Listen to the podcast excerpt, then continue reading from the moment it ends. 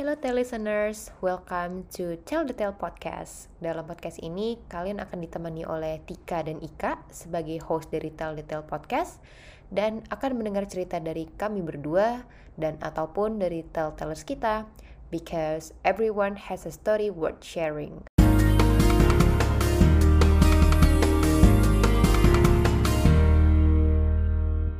Hello again, listeners. Apa kabar? Semoga pada sehat-sehat ya. Ini dari kemarin hujan, cuman hari ini tiba-tiba panas sekali. Ini aku rekaman dengan Mbak Ika dan juga dengan tellers kita, mukaku glowingnya matahari.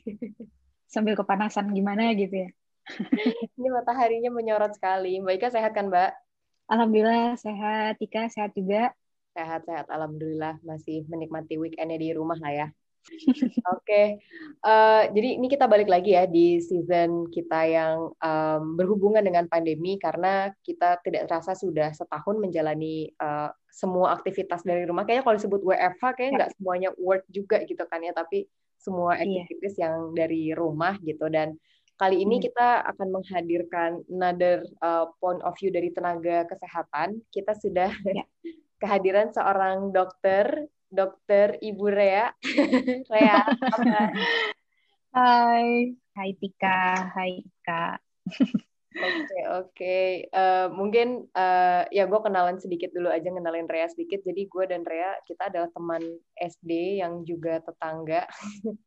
teman SD itu kayak udah lama banget ya, tapi emang udah lama juga kita nggak ketemu ya Rea. Ya. Iya. Oke, oke. Mungkin Rea mau sedikit memperkenalkan diri dulu. Sekarang sibuk apa? Terus perjalanan dokternya sekarang juga sudah sampai mana? Mungkin bisa di-share juga ke listeners kita. Oke, halo. Salam kenal semuanya. Gue Rea. Gue lulusan dari UI tahun uh, 2015. Masuknya masuk angkat 10 setelah lulus nah dalam kan teman kita nyebutnya internship kayak magang gitu. Setelah lulus diwajibkan.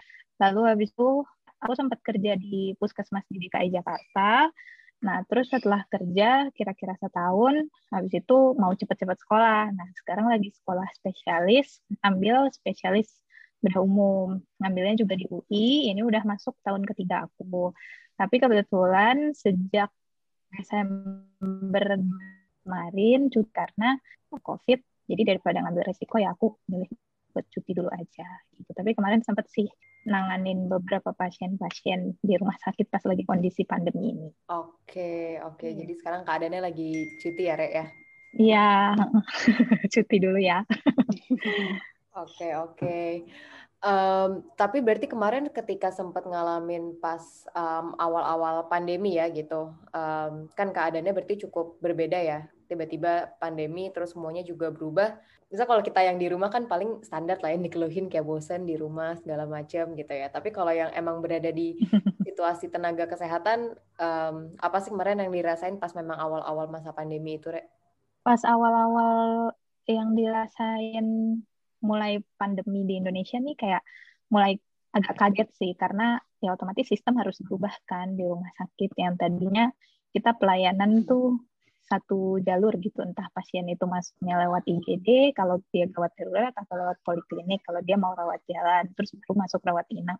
Nah tiba-tiba kondisi ini demi kan pandemi nggak bisa dibiarin gitu aja ya apalagi sifatnya menular antar, antar manusia ke manusia gitu. Jadi otomatis ya yang perlu kita pikirin itu bukan cuman pasien ke pasien. Jadi kita nggak cuma mikirin penularan pasien ke pasiennya gimana, tapi juga ke kita tuh gimana gitu. Indonesia nih ada ternyata video di Cina kayak, wah mereka pada pakai APD gitu kan. Nah, terus kita kayak, oh iya bener juga sih gitu kayak emang kita harus menjaga diri kita dengan alat pelindung diri itu gitu. Tapi apakah kita bisa ya kan di awal-awal masker lah yang susah dicari terus habis itu uh, baju hazmatnya juga susah dicari yang kayak gitu-gitu kan di awal jadi kayak kayak kelabakan kita semua cuma ya nggak mau nggak mau itu semua harus ada gitu jadi ya itu sih penyesuaian itu yang bikin kita lumayan kaget terus ditambah uh, kita tuh kalau aku kan lagi sekolah nih sekolah pendidikan spesialis emang kita bisa bilang itu capek banget karena kita kerja sambil sekolah gitu kan, praktek sambil sekolah. Hmm. Jadi ada tuntutan pelayanan pasien, ada tuntutan untuk pendidikan juga. Jadi kayak pelayanan tuh juga nggak berhenti gitu. Misal kita guru-guru kita, dosen-dosen kita yang udah spesialis atau subspesialis itu lagi ada operasi atau ketemu pasien di luar, ya kita juga nggak bisa miss itu dong buat belajar gitu. Jadi selesai kegiatan pendidikan yang biasanya jam 4, jam 5, kadang kita lanjutin lagi gitu. Jadi ya bisa juga baru selesai malam, terus tengah malam gitu bisa. Jadi emang udah biasa capek tuh. Tapi dengan kondisi pandemi ini kan apalagi yang dibutuhkan sebuah imunitas kan. Jadi kayak itulah yang jadi pokok masalah kita yang paling utama gitu. Kayak ya itu sih yang pertama-tama yang jadi kayak momok banget di kalangan kita gitu. Awalnya kaget tapi lama-lama ya udah biasa semuanya udah mulai disesuaikan. Ya kita akhirnya bisa dapetin hazmat dan masker dari awalnya tuh dari relawan-relawan. Lama-lama ternyata gampang diakses. Jadi ya alhamdulillah entah dari dana rumah sakit atau dana setiap departemen kita akhirnya nyediain gitu buat kita.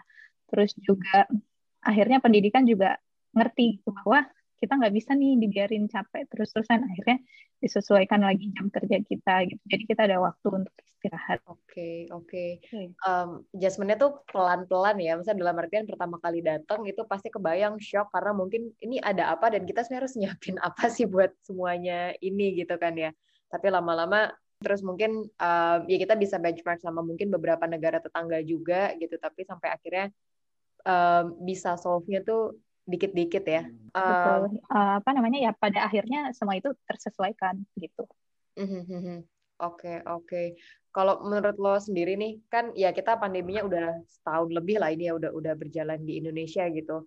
Pengertian lo yang memang ada berada di tenaga kesehatan yang juga lagi kuliah juga si pengertian tentang si virus ini tuh berubah-berubah nggak sih dalam artian dulu kan ketika virus datang pasti kan pengetahuan kita juga masih terbatas terus um, informasinya juga mungkin tidak sebanyak sekarang gitu. Nah dari dulu awal, wah ada COVID-19 nih gitu, sampai sekarang um, apa ya pengertian kita tentang virusnya tuh evolve nggak sih kalau menurut lo? Evolve sih pasti evolve banget ya di awal-awal tuh kayak kita ngerasa ini tuh sebenarnya apa sih? Walaupun emang udah mulai ini kan udah mulai rame tuh udah mulai banyak Eh, negara-negara atau rumah sakit rumah sakit di luar yang kayak udah bikin conference conference online gitu-gitu yang akhirnya kita bisa ikutin untuk update ilmu sebelum dia itu masuk ke sini gitu ketahuan ada di Indonesia gitu. Awalnya juga tetap bingung apa harusnya tuh ngapain sih? Yang kita tahu kan cuman uh, apa ini virus mengandalkan sistem imun obatnya masih dalam penelitian terus nggak boleh sampai tertular ke orang lain gitu kan. Intinya sebenarnya di situ. Nah cuma lama-lama lama-lama kita jadi tahu nih kalau oh ternyata secara penelitian obat ini lebih baik daripada obat ini gitu. Oh ternyata secara penelitian vitamin ini baik dikonsumsi ketika terinfeksi ini gitu. Terus oh ternyata pas pasang APD tuh nggak sembarangan gitu. Kayak gitu-gitu jadinya kita tahu gitu. Oh ternyata ya terus keevaluasi apa yang udah kita lakuin, rute-rute masuk masuk keluar ruangan khusus pasien COVID gitu-gitu terus dievaluasi. Kalau misalnya emang oh kayaknya cara tata letaknya kurang baik akhirnya diubah kayak gitu-gitu. Semuanya tetap berkembang sih menurut aku. Gitu. Uh, ngomong-ngomong soal soal evolve nih gitu ya uh, hmm. apa tadi sebenarnya Rea juga uh, udah mention kan uh, apa misalnya tadi dari yang semula masih benar-benar uh, bingung masih sama-sama mempelajari uh, apa namanya ya corona ini seperti apa penanganannya dan sebagainya. Terus juga uh, artinya sebagai nakes juga harus uh, ada ada uh, istilahnya prosedur-prosedur di rumah sakit yang juga mungkin uh, berubah cukup cukup signifikan gitu ya. Nah uh, kalau kita sebagai masyarakat ini kan juga sebetulnya kayak akhirnya kita juga pengen terus cari informasi gitu ya. Uh, kayak pengen terus meningkatkan pemahaman kita. Tapi kayak aku pribadi nih gitu uh, yang apa namanya yang orang awam lah istilahnya gitu ya nggak punya background um, dari ilmu kesehatan dan uh, kita suka bingung kan gitu uh, dengan banyaknya informasi sekarang di sosial media yang kayak uh, ya pokoknya banyak banget deh gitu. Terus juga uh, banyak uh, nakes-nakes juga yang yang sosial media cukup aktif memberikan informasi gitu.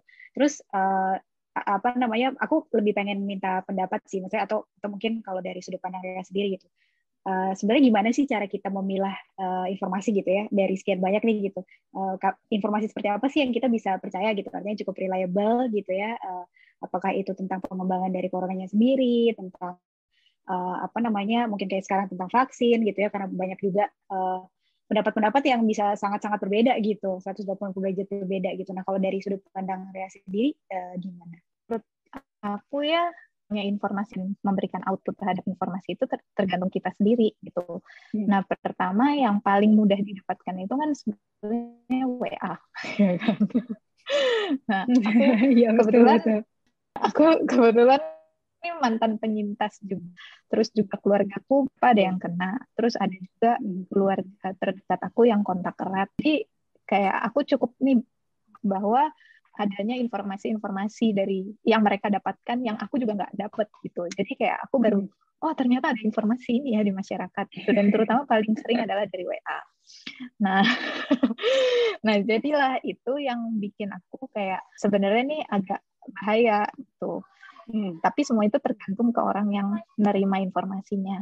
Nah, eh, gimana cara menerima informasinya itulah yang harus diproses dengan baik. Caranya gimana? Menurut aku ya yang paling gampang adalah jangan gampang percaya dan tanyakan ke orang yang lebih ngerti gitu, yang lebih berpengalaman dan punya pengetahuan di bidang itu gitu. Terus yang kedua dari berita tuh paling gampang. Nah berita ya aku juga nggak menyalahkan uh, orang yang membuat berita atau yang menyampaikan berita. Hanya saja kalau emang mau tahu yang paling benar ya menurut aku yang ya harus lihat siapa yang menyampaikan gitu. Jadi jangan jangan penyampaian informasi dari sekian pihak gitu loh. Jadi ya kalau emang itu kita ditulis tentang pernyataan Kemenkes ya kan sekarang era digital gampang diakses kan.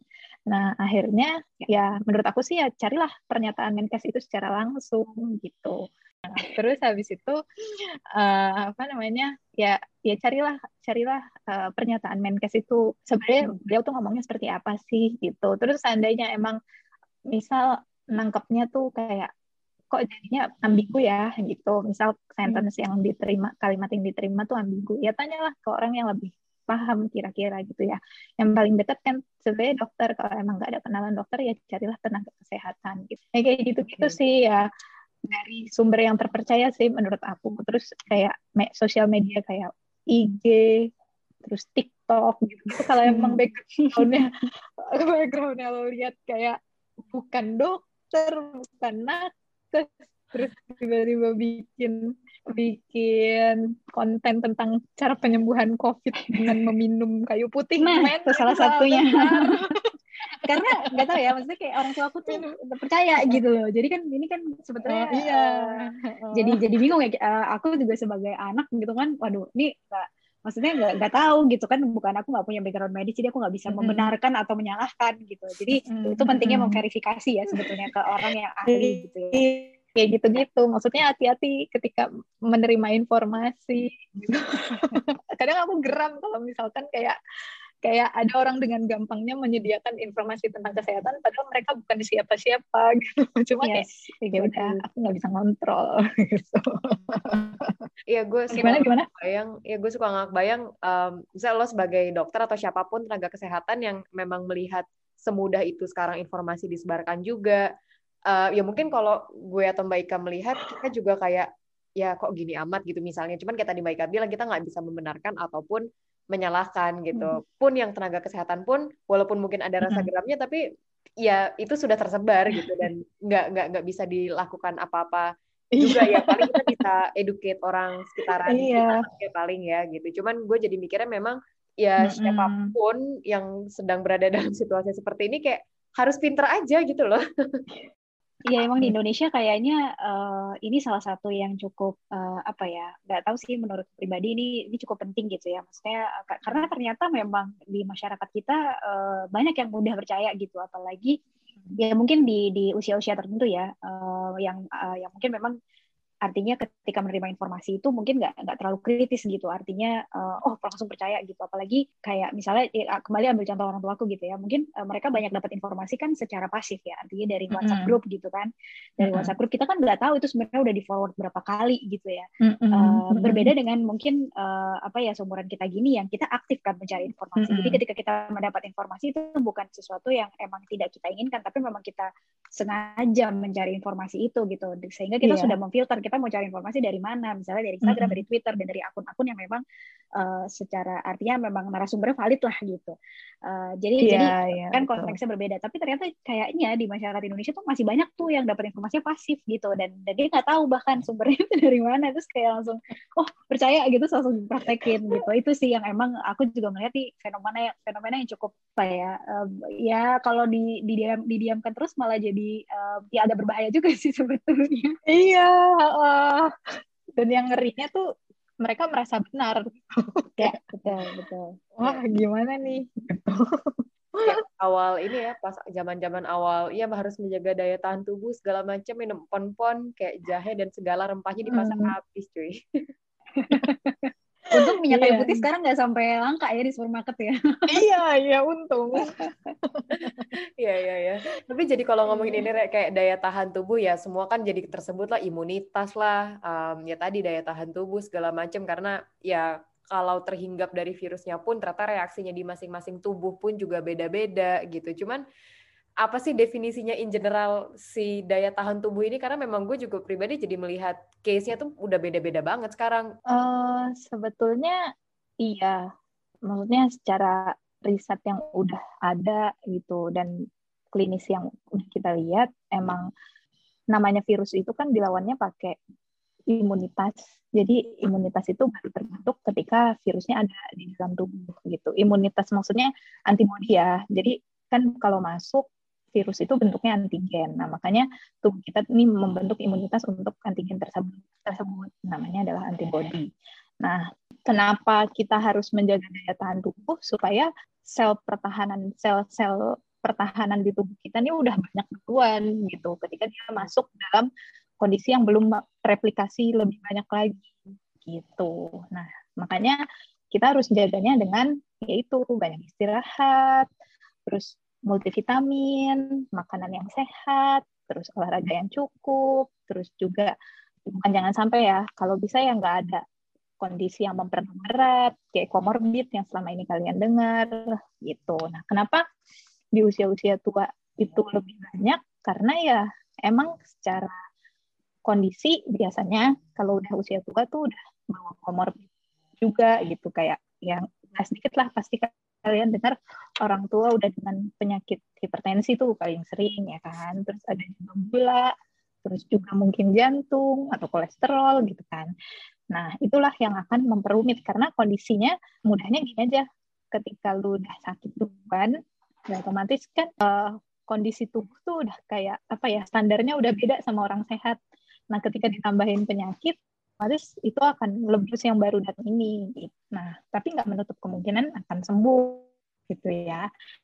Nah, terus yang kedua yaitu emang udah dia bisa berbagai faktor, kita juga nggak tahu gitu. Bisa aja emang dia satu mungkin dia sebenarnya ada komorbid keturunan yang kita nggak pernah tahu dan baru ketahuan waktu mungkin dia rawat inap itu satu. Terus yang kedua kita nggak pernah tahu pola hidup dia selama ini seperti apa aktivitas fisiknya selama ini seperti apa gitu. Ya bisa aja. Bisa aja dia lagi capek-capeknya mungkin pas terserang. Akhirnya jika dia kena covid pertama kali yang ada adalah imunitasnya nggak cukup kuat untuk ngelawan itu. Jadi yang ada virusnya malah terus replikasi lebih dan lebih banyak gitu. Jadi kondisi covid kan bisa cepet banget kan untuk jadi kondisinya lebih berat lagi gitu. Jadi maksudnya kita nggak tahu nih tahapan seperti apa di awal ketika si orang muda itu kena gitu. Ya curiganya mungkin ke arah sana. Jadi emang kondisi kurang baik jadinya delalah baru ketahuan pas sudah berat kondisinya gitu. Jadi tiba malah meninggal gitu. Padahal dia usia muda ya itu bisa aja gitu. Macam-macam sih kondisinya di setiap orang gitu. Ya jangan dianggap remeh jangan mentang-mentang masih muda jadi boleh dong kayak keluar-keluar nanti tinggal isolasi mandiri gitu kalau kena gitu ya nggak bisa lah kayak gitu. Karena yeah, yeah, yeah. urusan covid ini bukan urusan diri lo sendiri gitu. Jangan egois karena lo nggak tahu ketika lo pulang lo ketemu orang tua lo nggak tahu ketika lo di jalan tidak nggak sengaja terus lagi ada orang tua di situ gitu. Kan nggak ada yang tahu gitu. Jadi gitu deh. Jangan egois saja sih intinya. Setuju setuju banget. Ini pesan penting banget nih Karena ini juga nggak sih kita nggak selalu bisa mengukur daya tahan tubuh kita ada di titik mana kan ya sebenarnya. Misalnya ya gue ya. makan kayak sehat kok, mm -hmm. gue olahraga betul, betul. kayaknya rajin nih misalnya gitu. Cuman mm -hmm. ketika ya mm -hmm. ada satu hal yang ternyata memang seseorang harus kena padahal dia polanya udah benar, tapi levelnya di mana kita nggak tahu dan tadi ya replikasi virusnya itu ternyata bisa jadi cepat bisa jadi lambat juga dan kalau cepat ya mungkin itulah kejadian seolah-olah dari luar harusnya kan dia kalau kena misalnya sehat gitu ya. Lalu iya. Dan yang perlu catatan lagi gejala corona itu apalagi orang muda yang apa dewasa muda itu kan enggak yang langsung parah gitu kan. Apalagi gejalanya tuh mirip kayak flu biasa dan kita hmm. biasanya kalau flu kayak gampangin kan kayak ayo ah, ya udahlah gitu kayak ah aduh cuma pegal-pegal doang gitu. Kayak cuma kecapean hmm. kayak gitu-gitu. Cuma batuk-batuk kecil doang kayak gara-gara minum es. Ah kayak gara-gara kemarin kehujanan makanya pilek gitu. Jadi kayak ya hati-hati. Bisa aja seperti itu. Ya lo sebenarnya udah bawa virus gitu dan tanpa lo sadari gitu. Jadi kalau misalkan emang udah kayak gitu dan lo lo harus lebih pekatkan diri. Biar maksudnya itu juga, juga bukan ngejaga lu doang dengan bisa istirahat lu akhirnya meningkatkan imunitas tubuh lu tapi juga jadi menjaga orang lain juga kan Iya, ini scary sih. Misalnya di tubuh seseorang, ya orangnya imunnya memang bagus kok gitu. Jadi dia nggak apa-apa. Tapi karena udah punya virusnya, tapi jadi bisa menularkan ya ternyata di tubuh orang lain itu yang mungkin tidak sekuat dia gitu kan, yang akhirnya berimpact juga jadinya. Mm -mm, betul banget, itu dia. Ya, ya. Nah ini ngomongin masa inkubasi ini nih, uh, karena kayak aku pribadi gitu ya, aku kan orang yang uh, sangat pencemas gitu. Jadi walaupun sekarang ini Tika tahu banget nih. Jadi kalau kalau maksudnya sekarang emang emang uh, mayoritas kan kerjanya di rumah gitu ya. Tapi sesekali uh, ya aku masih keluar juga, mm-hmm. terus juga kadang ke kantor kalau misalnya ada perlu masih ke kantor gitu. Nah itu tuh kadang-kadang tuh uh, apa pasti ya, maksudnya cemas gitu-gitu pasti ada gitu. Apalagi aku tinggal masih sama orang tua gitu ya. Jadi kayak uh, apa biasanya kalau habis ke kantor gitu bener-bener yang ya udah keluar kamar juga aku pakai masker gitu. Uh, at least kayak sampai ya tiga sampai lima hari lah gitu. Nah uh, nah cuman kan kembali lagi ya kadang kita kita uh, maksudnya kita nggak tahu bisa jadi maksudnya nggak merasakan apa-apa gitu kan. Uh, karena ada juga aku pernah denger uh, juga gitu ya ada dari circleku yang udah udah pernah kena juga benar-benar nggak ngerasa apa-apa gitu. Dan uh, apa namanya ya terus mungkin karena akhirnya memang uh, ada tipe orang yang juga ya udah uh, ada ada periode tertentu uh, misalkan rapid test atau apa gitu ya hanya untuk preventif gitu dari situlah ketahuan gitu. Nah sebenarnya tapi kalau menurut saya sendiri seberapa perlu sih gitu? Maksudnya kalau untuk memastikan karena kan kayak ya kayak tadi gitu ya masa inkubasi setiap orang bisa beda-beda gejalanya juga bisa sama sekali nggak ada, bisa yang ringan, mm -hmm. bisa bisa macam-macam lah, benar-benar benar-benar nggak ketebak lah gitu. Sebenarnya uh, seberapa perlu sih kita uh, kayak misalnya ada jadwal, misalkan kita menjadwalkan sendiri kita rutin gitu ya, apakah mau rapid test antigen atau atau bahkan PCR gitu, untuk orang-orang yang masih suka beraktivitas di luar. Itu menurut saya perlu atau enggak sih sebenarnya? Kalau menurut aku ya uh, rapid test antigen ini sifatnya untuk screening.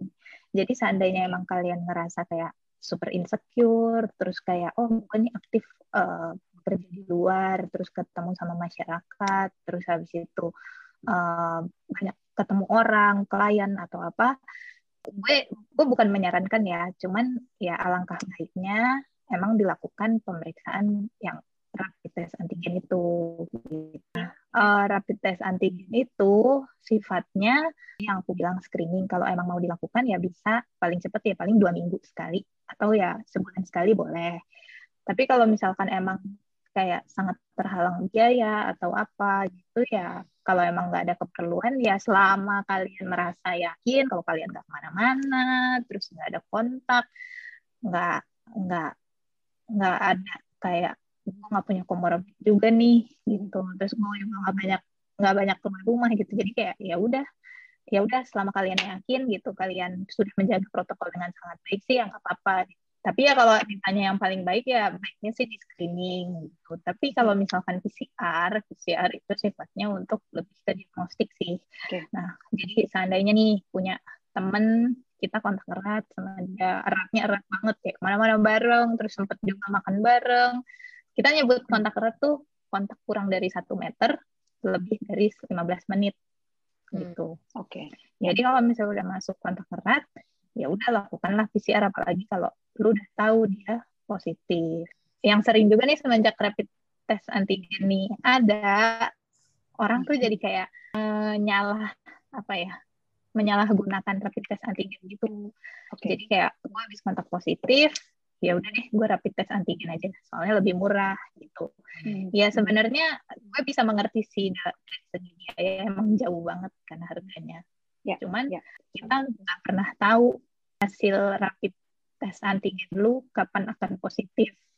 Seandainya emang lu benar ya. positif, karena bisa jadi dia negatif palsu ya baiknya kalau emang lu udah kontak erat atau lu emang udah bergejala yang mengarah ke sana lu curiga ya udah PCR aja masuk apa sih um, emang sih tahu keperuntukannya masing-masing sebenarnya arahnya ke mana kalau memang biaya pasti kan memang ada pertimbangannya juga di setiap orang mm. cuman mm. ya kalau udah jelas itu kontak erat sudah jelas juga mungkin orang yang kontak erat sama kita positif ya nggak mau beresiko buat diri sendiri juga kan ya sebenarnya kalau tadi si false negatif itu um, hanya saya karena beberapa kali kayak gue juga pernah denger sih misalnya um, ada keluarganya yang positif kemudian dia bahkan udah swab gitu dan hasilnya juga negatif tapi ternyata 5 7 hari kemudian ya baru keluar gejala terus baru swab lagi dan ternyata positif gitu.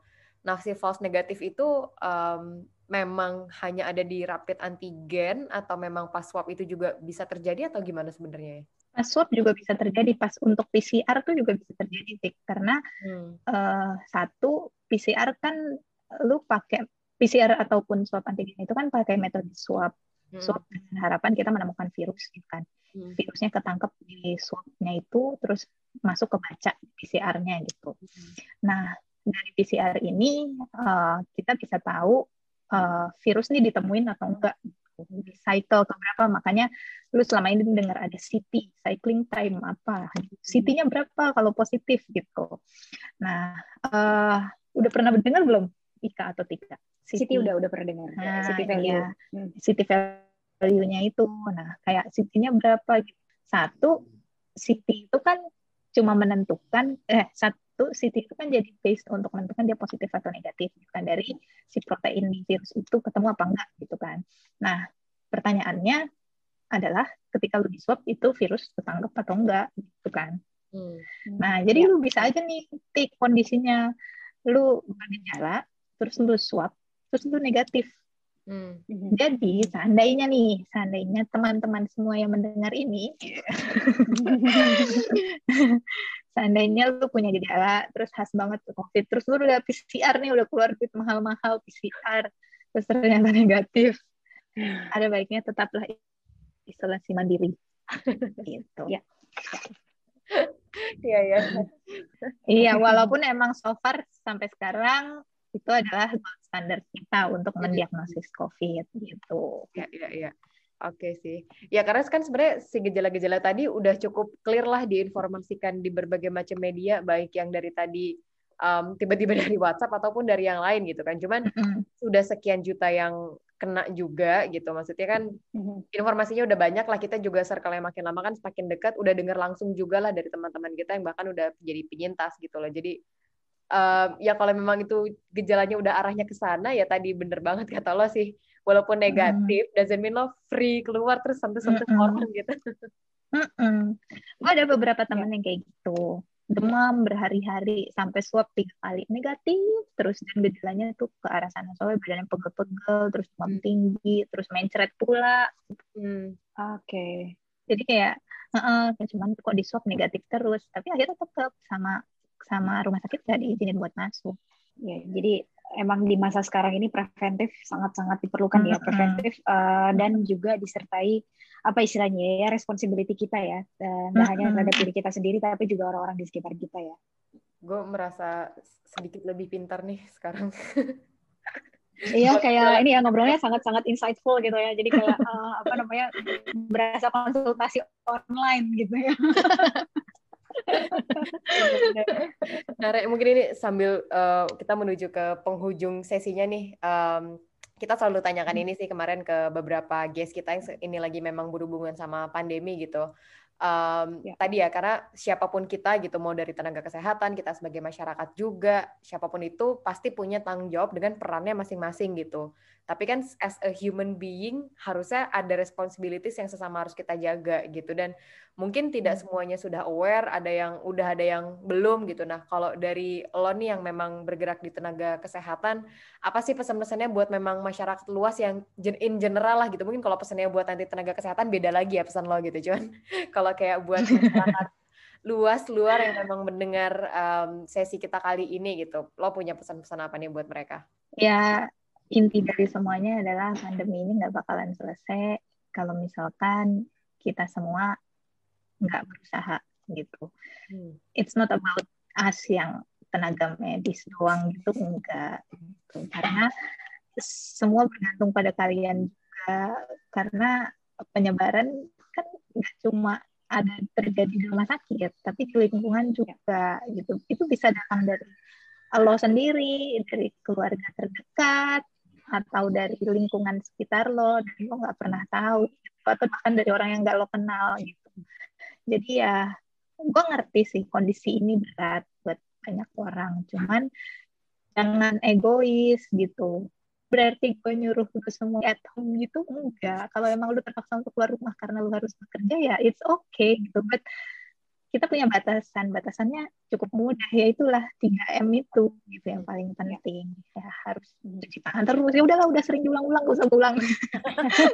Nah, terus ya intinya di situ gitu. Terus poin lainnya adalah gak usah egois tuh gak usah kebahagiaan lu ah yang ngorbanin gitu. Ditahan-tahan dulu aja. Terus sekarang vaksin udah ada insya Allah hmm. ya semoga efek efektif gitu ya namanya hmm. usaha kan kenapa enggak dilakukan gitu terus udah didukung juga sama pemerintah ya janganlah egois karena lu kayak ngerasa enggak oh gue taunya vaksin A ini kurang efektif dibanding vaksin B, gue maunya vaksin B gitu. Men, BPOM aja udah ngizinin lo siapa gitu. Jadi ya selama lu dapet uh, apa privilege tersebut, secara cuma-cuma juga ya lakukanlah hal itu gitu. Jangan egois sih kuncinya. Soalnya ya. ini bukan semua tentang aku tapi ini semua tentang satu Indonesia ini. Setuju banget. Jadi ikhtiar harus tetap selalu ya. Uh, betul. ikhtiar dan awareness ya. Ya sadar gitu. iya. gitu memang uh, gue harus keluar. Ya kita kan juga paham akan kebutuhan di masing-masing manusia lah gitu. Kalau harus keluar segala macam. Tapi kan tahulah batasannya sebenarnya seharusnya seperti apa dan pun kalau keluar apa yang harus lo lakuin ya 3M yang udah nggak usah diulang lagi lah ya gitu orang kayak bosen juga nanti dengernya gitu tapi itu memang salah satu tadi ya effort dan usaha yang memang bisa kita lakukan sebagai masyarakat gitu untuk sesama ngejaga dan being responsible tadi sebetulnya ya Iya, iya. Okay. Thank you banget nih Re atas waktu dan ketersediaannya mengganggu masa-masa lagi istirahatnya. Thank you Istirahat sharing sharingnya. iya kak, sama-sama. Oke, tadi Mbak ada lagi mungkin Mbak? Uh, enggak, sama sih mau bilang terima kasih uh, sama Rea udah mau sharing sama kita. Ini aku beneran berasa kayak jadi bisa nanya-nanya gitu ya, jadi uh, kayak konsultasi online. Karena bener maksudnya selamanya aku juga merasa kayak ketika dapat informasi gitu pengen nanya gitu, ini bener apa enggak sih gitu ya. Jadi ketika bisa dapat kesempatan tadi dapat penjelasan-penjelasan yang insightful gitu ya, jadi uh, lebih tercerahkan gitu. So thank you banget uh, Rea, semoga sehat-sehat selalu ya. Amin. Oke. Okay. Teman-teman. Sama-sama, sehat-sehat terus, Re. Uh, lancar-lancar juga sekolahnya dan segala kegiatannya. semoga um, ini perjalanan masih agak panjang kalau buat Rea ya. Cuman kita doakan semoga semuanya lancar. Amin. Juga. Dan um, semoga juga keadaan kita semua menjadi lebih baik dengan usaha dari kita semua juga yang yakinlah semuanya sama-sama mau yang lebih baik dan tetap mau berusaha juga gitu ya. Amin. Oke okay, kalau gitu, tell listeners jangan lupa follow terus Instagram kita di @teldetail.id. Silahkan lihat semua update-nya, semua quotes-quotes dari tell-tellers kita yang sebelumnya, semuanya udah ada di sana. Hmm. Jadi kayak, oh kemarin tuh apa ya waktu yang Raya omongin, nanti lihat aja di IG kita. Itu ada buat semua. Oke, okay, kalau gitu sampai okay. ketemu lagi. Have a good day semuanya. Bye-bye. Bye.